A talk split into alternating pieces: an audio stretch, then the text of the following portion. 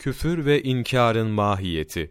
Hazreti Peygamber'in sallallahu aleyhi ve sellem getirdiği zaruri olarak bilinen hususlarda kendisini tasdik eden herkes mümindir.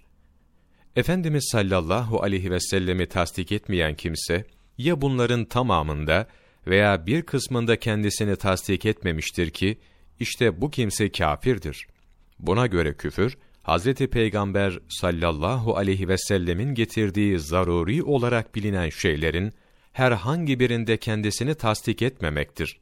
Mesela yaratıcının varlığını veya onun alim, kadir, muhtar olduğunu veya tek, noksanlardan ve kusurlardan münezzeh olduğunu ve Hazreti Peygamber'in nübüvvetini veya Kur'an-ı Kerim'in doğruluğunu veyahut da namazın, zekatın, orucun ve haccın farz olması gibi, faizin, içkinin haram olması gibi kesin olarak bildiğimiz dini ahkamı inkar eden kimse kafir olur.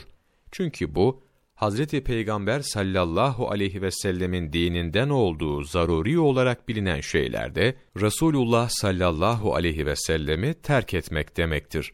Fakat Cenab-ı Allah'ın ilmiyle alim veya zatından dolayı alim olması, Cenab-ı Allah'ın görülüp görülemeyeceği, kulların amellerinin yaratıcısı olup olmadığı meseleler gibi, Hz. Peygamber sallallahu aleyhi ve sellemin dininden olduğu delil ile bilinen, fakat bu iki görüşten birinin sıhhati, diğerinin batıl olduğu istidlalle bilinen şeyleri inkar etmek veya onu tasdik etmemek, imanın mahiyetine dahil olmaz.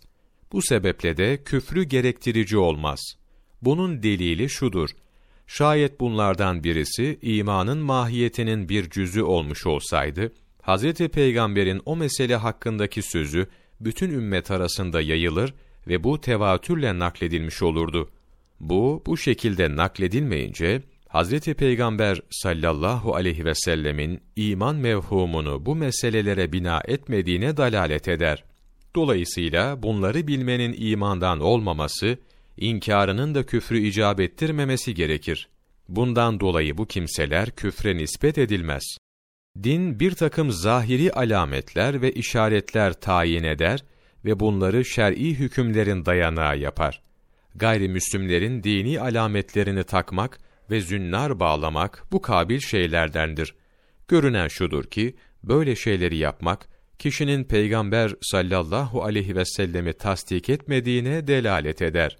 Fahruddin Errazi, Tefsiri Kebir, Mefatihül Gayb, Cilt 1, sayfa 475-476, 25 Kasım Mevlana takvimi